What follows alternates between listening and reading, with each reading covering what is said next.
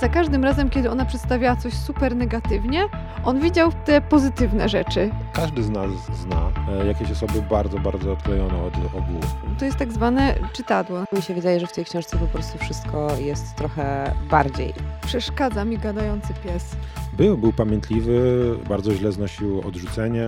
On też ma w tym społeczeństwie totalnie przerąbane, ale oczywiście z, z zupełnie innych powodów. Wspaniała postać.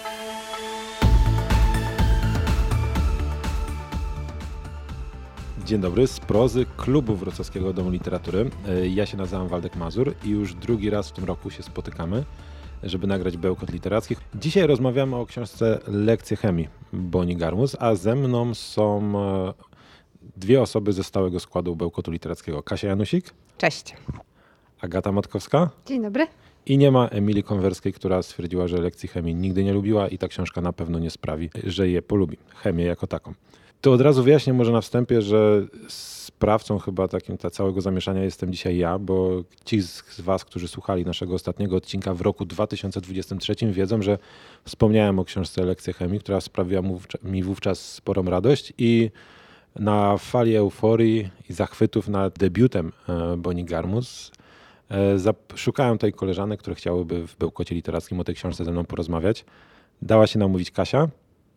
I Żałujesz? pobiłam swój własny rekord zeszłoroczny. To jest e, szczyt mojego osobistego rankingu, jeśli chodzi o najszybciej przeczytaną książkę o objętości 550 stron. Zajęło mi to półtorej doby. I po drugiej stronie jest Agata, która ma chyba trochę inny odbiór tej literatury. Tu musimy powiedzieć, że dzisiejszy odcinek sponsoruje pewien e, producent napojów energetycznych. I dzisiaj rozmawialiśmy o tym, że czy trzeba pić szybko, czy wolno. I powiedziano, że nie powinno się pić wolno, e, bo że, że lepiej jest pić wolno, e, a nie szybko. Ja wypiłam bardzo szybko, a Kasia przeczytała lekcję chemii bardzo szybko i stwierdziliśmy, że to nie jest dobrze. A ty czytałaś wolno i było dobrze. Też było źle. Ale mi się bardzo później. podobała książka. Okej, to jeszcze takie dane tutaj dotyczące samej książki. O autorce wspomniałem, Boni Garmus. Lekcja chemii to jest tytuł. Polskim wydawcą książki jest wydawnictwo Marginesy. Rzecz nie jest, nie jest najnowsza. My do tej pory omawialiśmy książki, które ukazały się albo od razu na rynku, albo e, ledwie chwilę wcześniej. Ta książka w Polsce ukazała się w roku 2022, w tym samym roku, kiedy ukazała się w Stanach Zjednoczonych i w Anglii, a przełożył ją na język polski Marek Cieślik, który już nie pierwszy raz gości u nas e, w audycji. Tak sobie myślę, że to jest chyba jeden z chyba z bardziej zarobionych tłumaczy, e, jeżeli chodzi o polski, polskie poletko. E, Przynajmniej e, tłumaczy, tłumaczących z języka angielskiego. Ale ty, Kasiu, tu jesteś bardziej ekspertką, to może Nie Wiesz. robię statystyk, ile który tłumacz bądź tłumaczka tłumaczy, ale z własnego dawnego doświadczenia wiem, że jeśli ktoś chce się utrzymać z tłumaczenia literatury pięknej, zwłaszcza z języka angielskiego, to musi rzeczywiście książki tłumaczyć szybko.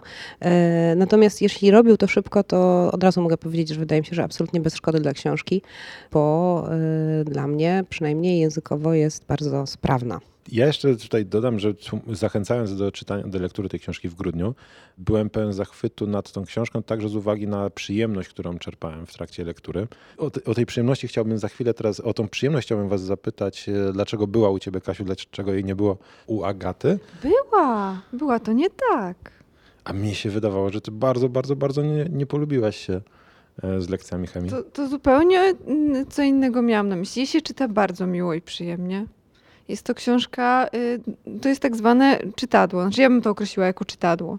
Zdecydowanie, ale nie rozumiem wszystkich zachwytów nad tą książką. A co u ciebie się kryje pod hasłem czytadło? Bo ja jednak jak słyszę czytadło, to rozumiem, że coś takiego trochę, coś takiego niższych lotów, literatura, która raczej nie jest wymagająca. Ty mi poleciłeś Bella Ciao. Jak powiedziałam ci, że na wakacje potrzebuję czytadła, czyli czegoś, co po prostu wciągnie i co się przeczyta w jeden albo dwa dni, to poleciłeś mi Bella Ciao, więc Bo chyba, szybko czyta. Chyba jeszcze jest... wtedy zupełnie inaczej rozumiałeś czytadło.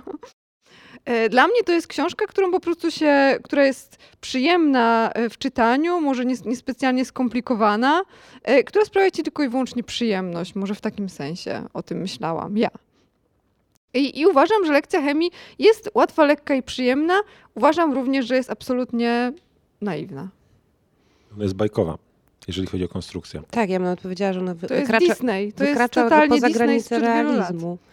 E, no dobra, tylko że jakby moim zdaniem, z mojego doświadczenia czytelniczego, gdzie my w pracy na przykład, dla pracy, wokół pracy i dla przyjemności też czytamy często literaturę ciężką do przebrnięcia przez, nawet jeśli jest absolutnie genialna. No, przypomnę ci, Agato, zeszłoroczna e, To wedle sen, to nie jest książka, która sprawia tego rodzaju przyjemność co lekcje chemii, więc dla mnie ta książka to był trochę taki powiew zupełnie innego, bardzo świeżego powietrza, gdzie właśnie, gdzie mam wrażenie, że głównym celem autorki jest sprawienie czytelnikowi przyjemności i rozśmieszenie go. I ja bym, dla mnie od samego początku, od pierwszych zdań ta książka kojarzyła się z serialami. I tutaj możemy też nawiązać do tego, że y, serial powstał na podstawie tej książki, jest bardzo popularny. Pewnie też dlatego mówimy o tej książce, bo pewnie została wyciągnięta e, znów dlatego, że, że pojawiła się popularność serialu. Nie, nie. I tak, to znaczy, nie wiem, czy teraz się pojawiają do druki i czy jest okładka filmowa. Jak już mówiłem, książka się ukazała w 22. Ja do książki się długo zabierałem przez pół roku znajoma osoba mi ją pożyczyła i po prostu cały czas nie miałem czasu czytać jej przeczytać. Pod koniec roku do tego się mogłem zabrać. A ten telewizor, który jest tutaj. Ja bym powiedziała, że to jest właśnie twórczyni głównej roli. Nie, tutaj. E, Wy, wygląda jakby identycznie. Jak Brie Larson, która gra. W, nie jestem pewien, bo to jest też e, w miarę nowe wydanie. Ja sobie książkę kupiłem. To nie jest to ten egzemplarz, który miałem pożyczony. Bo mi się znowu wydaje, że to jest e, pierwsza okładka, która była dla większości wydań na całym świecie. Tak, też mi się tak wydaje. E... Ale Aga tutaj mówi do tego telewizora, który jest taki malutki i ta postać, która jest w środku, to miałaby być aktorka twórczyni głównej roli Brie Larson, która jest dużą gwiazdą w Hollywood, więc podejrzewam, że gdyby wykorzystywali fenomen serialu, to on by bił po oczach zewsząd i to nie byłoby tak misternie ukryte. Ale kończąc jeszcze wątek popularności tej książki, to ona mm, na rynku wydawniczym ogólnoświatowym jednak była pewnym fenomenem, dlatego że rzadko się zdarza, żeby powieść debiutancka sprzedała się do, o ile pamiętam, 35 terytoriów, częściowo jeszcze zanim została w ogóle wydana. To jest naprawdę ewenement. To się rzadko zdarza, że ktoś tak mocno podchwytuje i rynek wydawniczy tak podchwytuje i ufa książce. Tutaj trzeba, e, wspomniałeś, że jest to książka debiutancka, Kasiu, e, ale to nie jest tak, że autorka jest 20 czy 30-latką. To jest już osoba, e, nie, za, nie zaglądałem w metrykę Boni Garmus, może tutaj jest na okładce rok urodzenia, szybko sprawdzam. Nie, nie ma, ale to jest już osoba, powiedzmy, która sporo osiągnęła, ale jako copywriterka. Urodziła się w Stanach, w Stanach Zjednoczonych, w Kalifornii, nie, chyba w Seattle, mieszkała w Kalifornii, albo na odwrót, teraz już osiadła w Londynie, w Wielkiej Brytanii.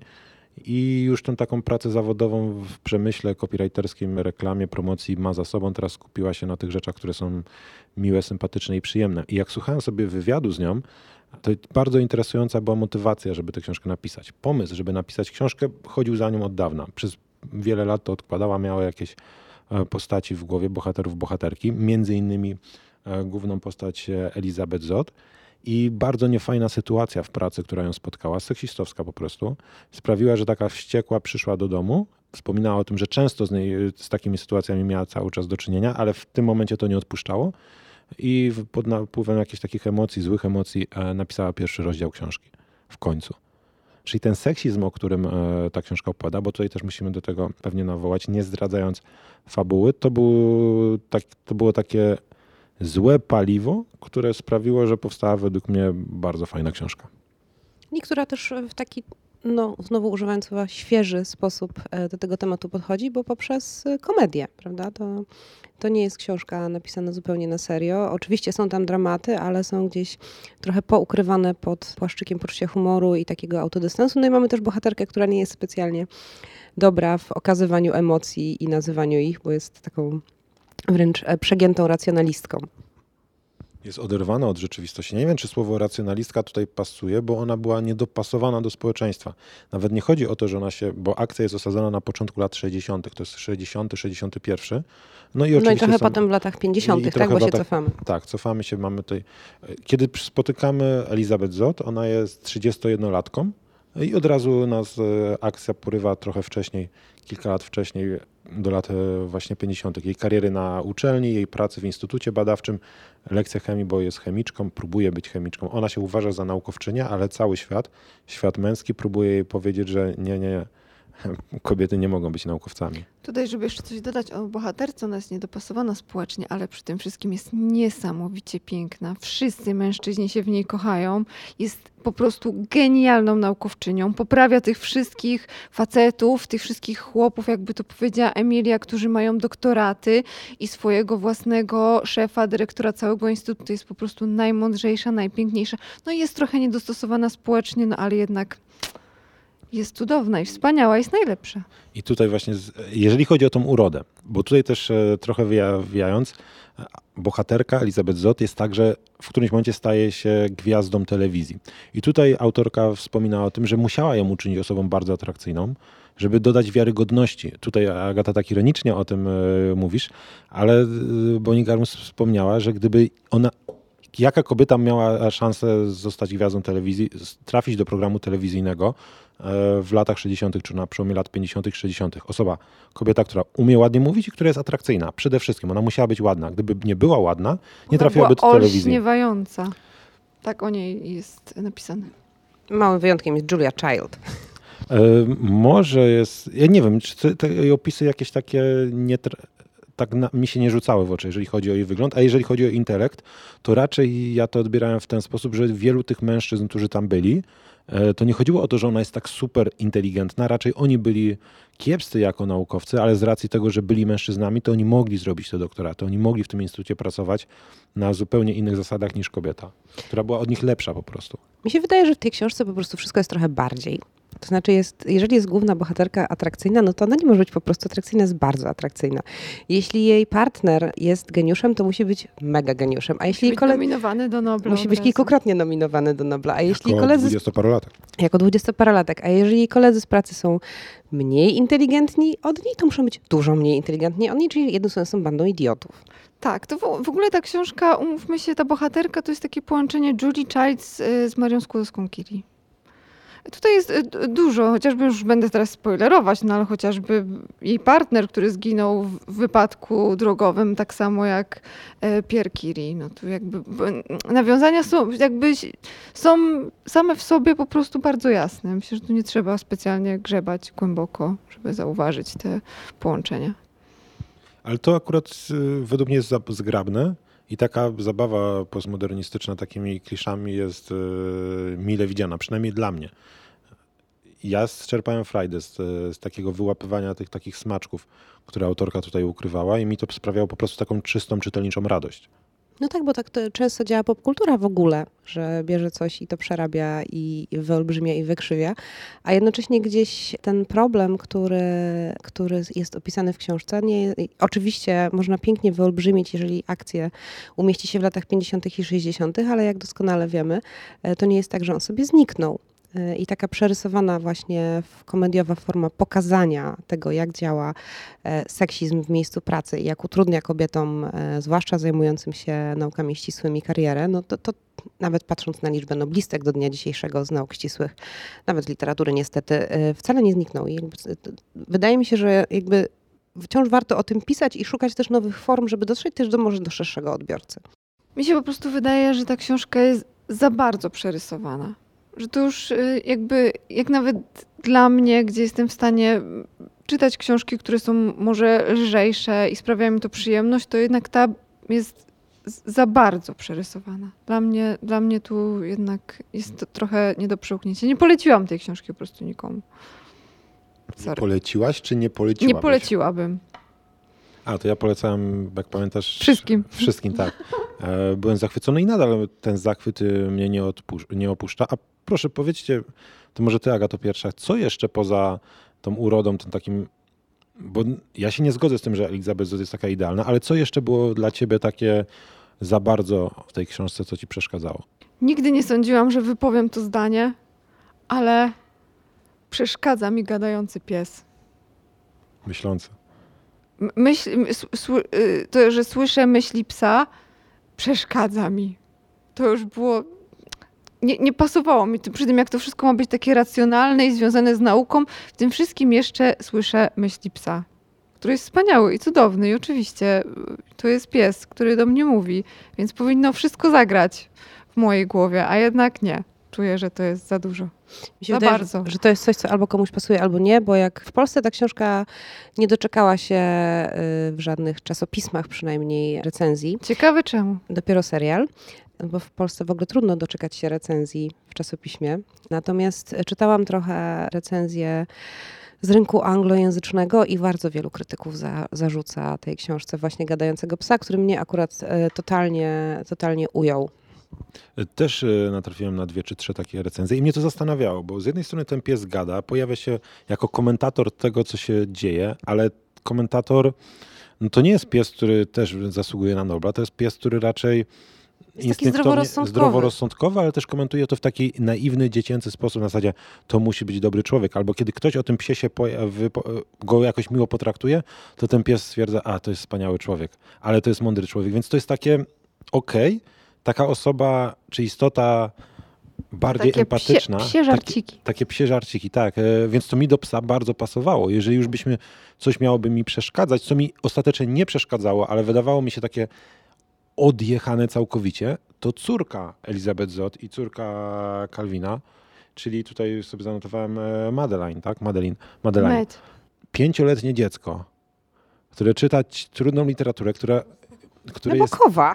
Nabokowa, które jest tak inteligentne, jest tak rozwinięte emocjonalnie, że ono jest nierzeczywiste. To jest osoba, Musi, która musi udawać, że nie umie czytać w szkole, żeby się dostosować społecznie do rówieśników. chodzi do biblioteki, rozmawia z pastorem, spotyka ludzi, wyjaśnia tym ludziom ich życie. To jest niesamowite i ten To pies taka przy... malutka, ro- rośnie taki malutki Paulo Coelho. Albo No- Maria Skłodowska-Curie. No ja bym myślał, że bardziej Maria Skłodowska-Curie, ale to dziecko wydawało mi się dużo bardziej nierealistyczne niż ten pies, który tak zdroworozsądkowo potrafił niektóre rzeczy skomplikowane ocenić jako złe albo dobre. Tak jak mówiłam, mi się wydaje, że w tej książce po prostu wszystko jest trochę bardziej. Nawet jak sobie weźmiemy, bo jedną z postaci, które pojawiają się w tej książce jest e, sąsiadka Elizabeth, która, której mąż przyszedł na emeryturę i która się strasznie nudzi w domu i ciężko jej z tym mężem wytrzymać, więc bardzo angażuje się w życie Elizabeth i wychowanie Madeline. E, nawet jak czytałam opisy jej męża, który jest naprawdę obrzydliwy, to jest y, i też mam wrażenie, że jest takim zbiorem wszystkich obrzydliwych cech obleśnego patriarchy. Też musi być przesadzone oczywiście. Musi być przesadzony, tak. I to jest tak przesadzone, że ona opowiada, że już w podróży poślubnej zaczął się masturbować, kiedy ona leżała obok w łóżku. Więc po prostu w tej książce wszystko jest przerysowane. I to moim zdaniem to jest coś, co jest gdzieś na granicy, e, bardzo blisko granicy.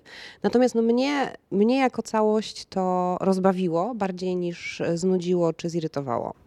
Nie no, bo y, umówmy się, tą książkę czyta się miło i przyjemnie, ale myślę, że to, że mi się nie podobała, to jest wina Waldka, bo on mnie tak pozytywnie nastawił i potem się zderzyłam z rzeczywistością. No, Ostatnią Nie- książkę, którą Waldek mi polecił, to było Bella Ciao Siemiona, a potem mi polecił lekcję chemii. To pokazuje, że Waldek czyta bardzo różnorodną literaturę. tak, czy, I wszystko wszyscy- uważa za czytadło.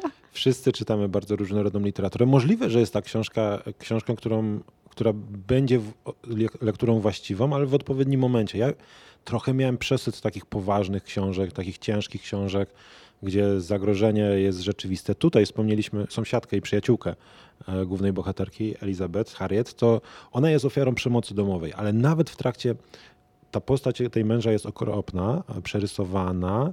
On skupia w sobie, jak w soczewce, wszystkie jakieś takie złe cechy przemocowego męża, alkoholika, ale jednocześnie ja ani razu nie poczułem, że Harriet jest jakoś super zagrożona. Nawet w momencie, kiedy ona została pobita, to było to tak przedstawione tak, że okej, doszło do tego, to jest złe, współczujemy bohaterce, e, bohaterce, ale nigdy nie mieliśmy poczucia, że coś złego może się zdarzyć. Ona też to zbagatelizowała i to zostało, jakby wątek nie został potem pociągnięty w ogóle. No później się dowiadujemy, że ona tego męża zostawiła i była w trakcie jakiegoś tam e, procesu rozwodu czy separacji, tak? Ale tak, to książka nie jest raczej taka super poważna. Takie książki raczej nie można odbierać na zasadzie, że o, teraz sobie przeczytam tę książkę i się dowiem, jak kobiety miały na przełomie lat 50., 60., ale jednak mimo wszystko te problemy społeczne dotyka. I właśnie, jakie problemy społeczne według Was w tej książce zostały przez autorkę uwypuklone?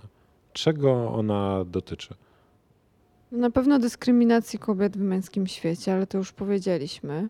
Tutaj jeszcze taką ciekawostkę powiem, że y, nie obejrzałam całego, ale obejrzałam kilka odcinków serialu i tam z kolei y, sąsiadka jako postać została przedstawiona zupełnie inaczej. Jest osobą ciemnoskórą. Jest osobą ciemnoskórą, y, więc jakby tam też jest mocno poruszony wątek dyskryminacji rasowej, nie tylko dyskryminacji płciowej.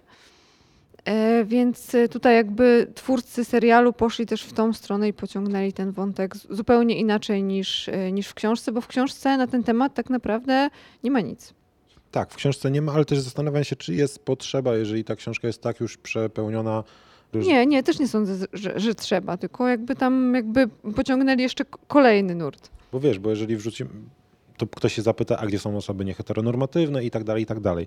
To wszystko może się pojawiać. Oczywiście. Ja w trakcie lektury chyba miałem wrażenie, że Garmus tutaj przedstawia kobietę, ale tak naprawdę z, tym, z tą grupą mogą się utożsamiać inne grupy, inne mniejszości, które w jakiś sposób są przez społeczeństwo na różnych etapach wykluczane albo prześladowane.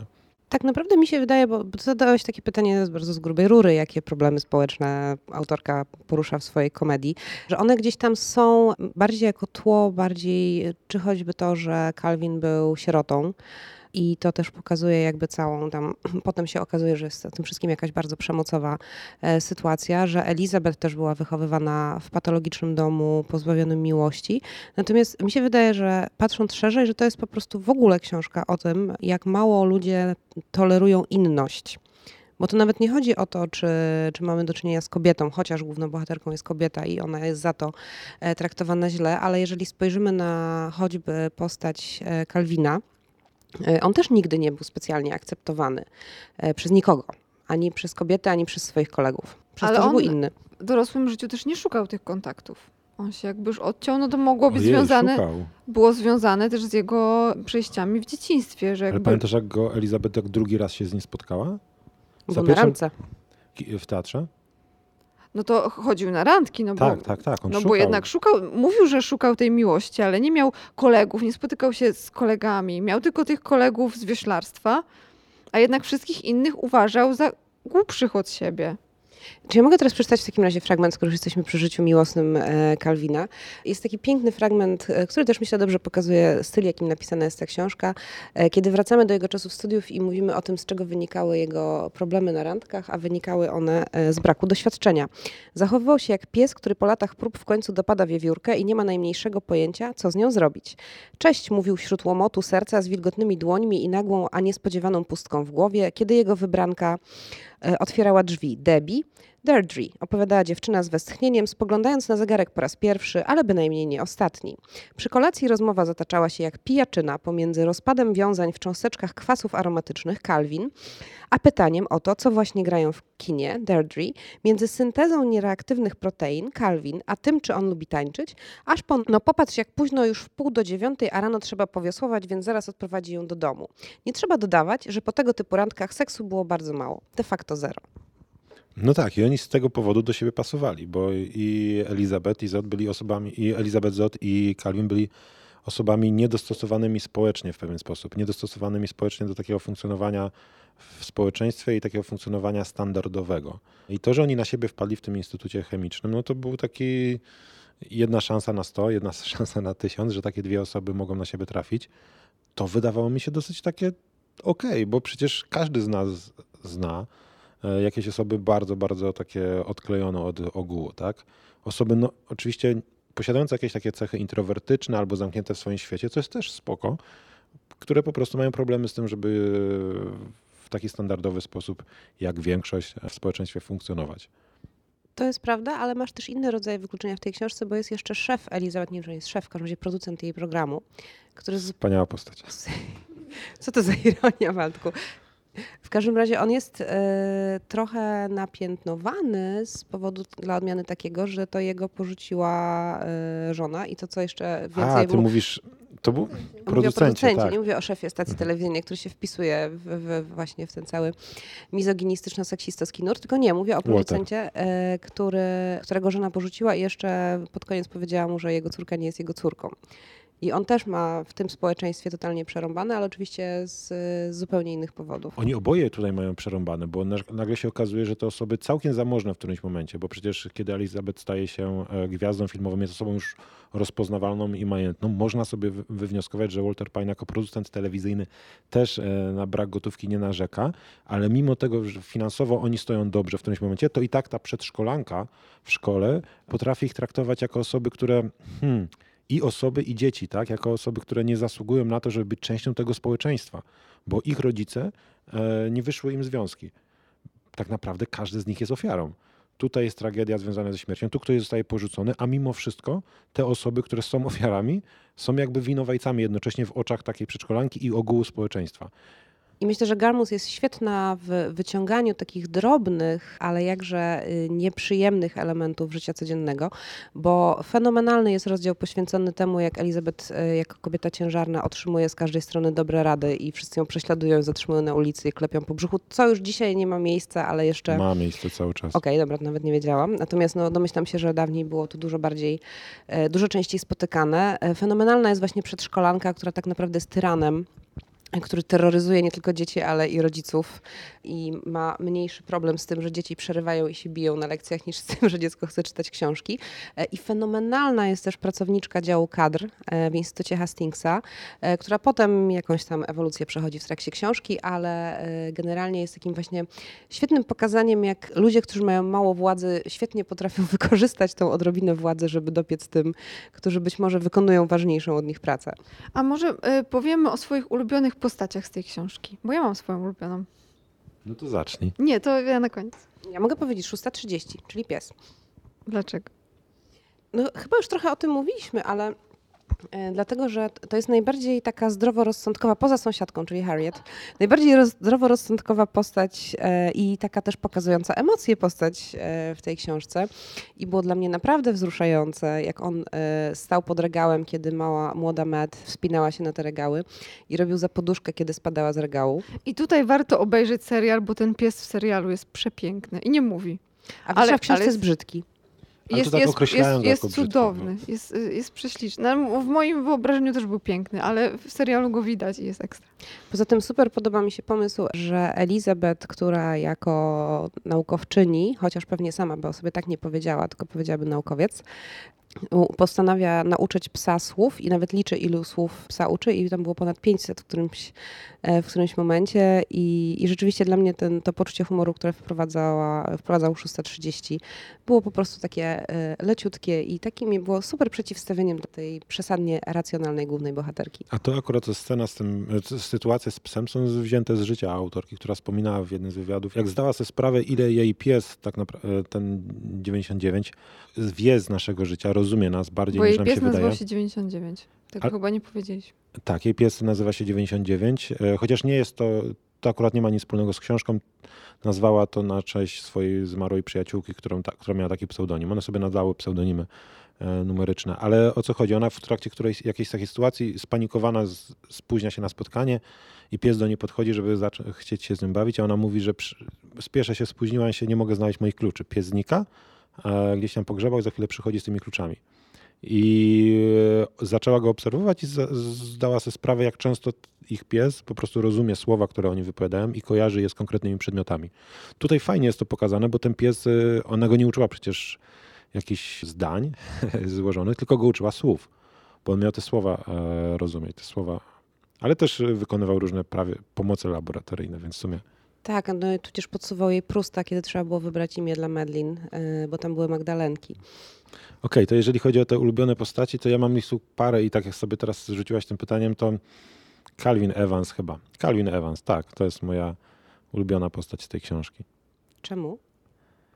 W jakiś sposób się z nim solidaryzuje. Z, on, ta, to jego nieprzystosowanie do społeczeństwa jest fajne, jest urocze. To, że znalazł sobie coś poza nauką w postaci tego wyślarstwa jest takie odjechane, że sport, który hmm, jest trudny, jest męczący, który nie daje jakiejś takiej gratyfikacji w postaci uznania społecznego. Nie wiem, jakoś, jakoś ta postać mi się bardzo spodobała i też jego przeszłość, jego historia jest w jakiś taki łatwy sposób, serialowy sposób tkliwa i jednocześnie to, że on potrafił przez całe życie żyć, nie chciałem, chciałem powiedzieć w kłamstwie, ale to nie chodzi w, o kłamstwo. On po prostu myślał, że wie coś na temat swojego życiorysu, swoje, swojej biografii i znielubił pewną osobę, znienawidził pewną osobę. E, I ta, to zło pewnego rodzaju, te złe emocje cały czas z nim tkwiły aż do śmierci, a to było tak bardzo nietrafione. I to bardzo fajnie kontrastowało moim zdaniem z, z tą jego racjonalnością i z tym takim geniuszem naukowym. Że w świecie nauki on był niesamowity, a w takim świecie, życiu e, już zwykłym e, potrafił tak bardzo się mylić. Ale z drugiej strony był dużo bardziej emocjonalną postacią jednak niż Elizabeth. Był, był pamiętliwy, bardzo źle znosił odrzucenie, nie rozumiał tego. Nawet jak nie był odrzucony, to no tak, bardzo chciał, żeby wiele rzeczy było tak, jak on sobie wymyślił, ale jednocześnie szanował Elizabeth. Szanował, nie rozumiał czasami, jako mężczyzna uprzywilejowany, nie wiedział na przykład, że nie rozumiał bardzo długo procesów, które dotykają Elizabeth, ale był na tyle empatyczny, że przyznawał jej rację i bacznie ją obserwował i chciał się uczyć. To teraz Agata. Moją ulubioną postacią z książki jest Mason. Doktor Mason. A, też o nie myślałam. Każda, Wioślarz. Wioślarz. Każda scena z nim mnie bawiła i uważam, że była cudowna. I ja też się zderzyłam z tym, że y, mężczyźni uważają, że pewne sporty nie są dla kobiet. A on tak cudownie ją namawiał do tego wioślarstwa i wziął ją do tej swojej ósemki i ją tak wspierał. I za każdym razem, kiedy ona przedstawiała coś super negatywnie, on widział te pozytywne rzeczy. Tak zupełnie, totalnie niepasujące do tego, co ona chciała mu powiedzieć i jak ona to czuła. I przez to ona trochę zaczynała myśleć inaczej. I to było bardzo krzepiące. Bardzo a, mi się ta postać podobała. w, w każdej twoim, scenie. Mhm. A w twoim odbiorze on e, naprawdę uważał, że ona dobrze wiosłuje, czy trochę robił to, czego Elizabeth by nie chciała, czyli z uwagi na jakieś tam sympatię do Kalwina, jakieś, jakieś poczucie, nie Myślę, wiem. że no- żaden wioślarz nie pozwolił sobie na taki kompromis. Przynajmniej tak wynika z tej ja, ja, ja, też tak uważam, tym bardziej, że ona bardzo dużo trenowała, więc ona chyba jednak była wytrwała. Może ona nie miała najlepszych zdolności, ale myślę, że widział w niej ten potencjał, e, to zacięcie, które doprowadziło do tego, że jednak trenowała na tyle, że stała się dobra. Na pewno nie miała warunków fizycznych, jak Calvin prawie e, dwumetrowy dryblas, bardzo brzydki. Też jego opis fizyczności też był bardzo ciekawy. Bo był, ale był wysportowany i wysoki. Był wys I miał ładne zęby i to wszystko, ale miał jakąś... I się ładnie uśmiechał, to już dużo. Tak, i był geniuszem.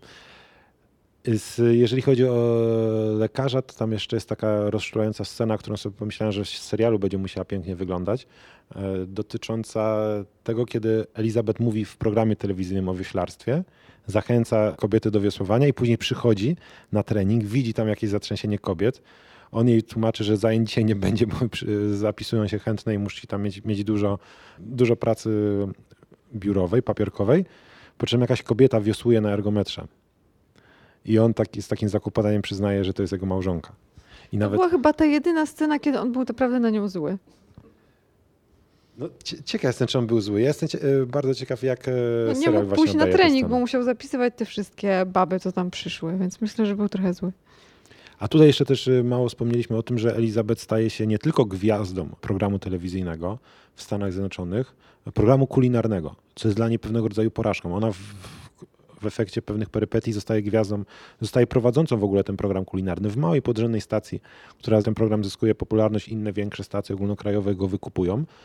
E, prawa do e, retransmisji, więc staje się taką gwiazdą, na którą się powołuje wiceprezydent Stanów Zjednoczonych. E, ale ona przez ten program kulinarny zaczyna edukować kobiety i zaczyna je namawiać do tego, żeby brały sprawy w swoje ręce. Tak, ten wątek emancypacyjny poprzez gotowanie też był dla mnie bardzo zabawny. Ja jestem świeżo po obejrzeniu dwóch sezonów serialu Julia, gdzie też jest w zupełnie inny sposób, ale jednak trochę mi się kojarzy to pokazane, jak program kulinarny może zmieniać życie i tak naprawdę umiejętność gotowania, ale też budowania własnej przestrzeni i takiej poczucia ważności tego, co się robi, może jakoś do, pozytywnie wpływać na poczucie własnej wartości, więc ponieważ Elizabeth jeszcze wprowadza do tego symbole chemiczne, co też mi jest bardzo bliskie, bo moja mama jest chemiczką i u nas w wszystkich przepisach nie było napisane, że dodaj pół wody, tylko zawsze było pół szklanki H2O, więc w ogóle uważam, że to jest absolutnie cudowne. Więc te panie w publiczności siedzące z podręcznikami chemii e, i rugające swoich, e, swoich mężów i swoje dzieci też mnie mnie bardzo rozśmieszyły. I to też była dla mnie duża przesada, że wszyscy tak bardzo entuzjastycznie, bo to jest super ciekawe i to jest bardzo fajnie, fajne podejście. Ale teraz przeczytam fragment, który pokazywał skalę tego, jak bardzo to wszystko było przesadzone. Uwaga. Czekamy w napięciu. Kobiety w całym kraju poderwały się z kanap i zaczęły walić w kuchenne stoły, podnosząc krzyk, w którym mieszały się rozgorączkowane słowa. Mieszały się rozgorączkowane słowami Elizabeth i smutek z powodu jej odejścia. W całym kraju. Stukały w te stoły. Bo to Po był program- Wszystko się trzęsło. Ej, no come on, a co u nas, jak się zaczynał Big Brother? ale w całym kraju oglądały, ale to nie Dok- znaczy, że wszystkie. Ale tak, no Agata, no topowy Kobiety w program. całym kraju poderwały się z kanap. No tak, ale jakby to to jest oczywiste, jak jest przebój telewizyjny. I to jeszcze, tak, Kasia przy, tutaj przytoczyła sytuację z początku tego wieku, lat zerowych. Tam nawet prawa nie były sprzedane do całego kraju. Dopiero potem. W tym momencie, jak ona już odchodziła, Już Tak. były, Już były. były. Potem to już, był, już było potem, że już y, był taki przebój, że sprzedawali to gdzieś dalej. nie, nie, sprzedawali już od momentu, kiedy ten jej szef e, został usunięty. Dobra, dobrze, za dużo zdradzacie. E, tak, za, e, za dużo zdradzamy, nie ma To sensu w ogóle nie jest, fabuły. drodzy słuchacze, ważne akurat w kontekście tej książki. Nie, no fabuła myślę, że sprawia dużo frajdy i niektóre rzeczy są zaskakujące. I To, jest że jest gwiazdą, dowiadujemy się już na samym początku. To prawda. Więc jakby wiemy, że osiągnie sukces w telewizji. To nie jest, to nie jest akurat spoiler specjalnie.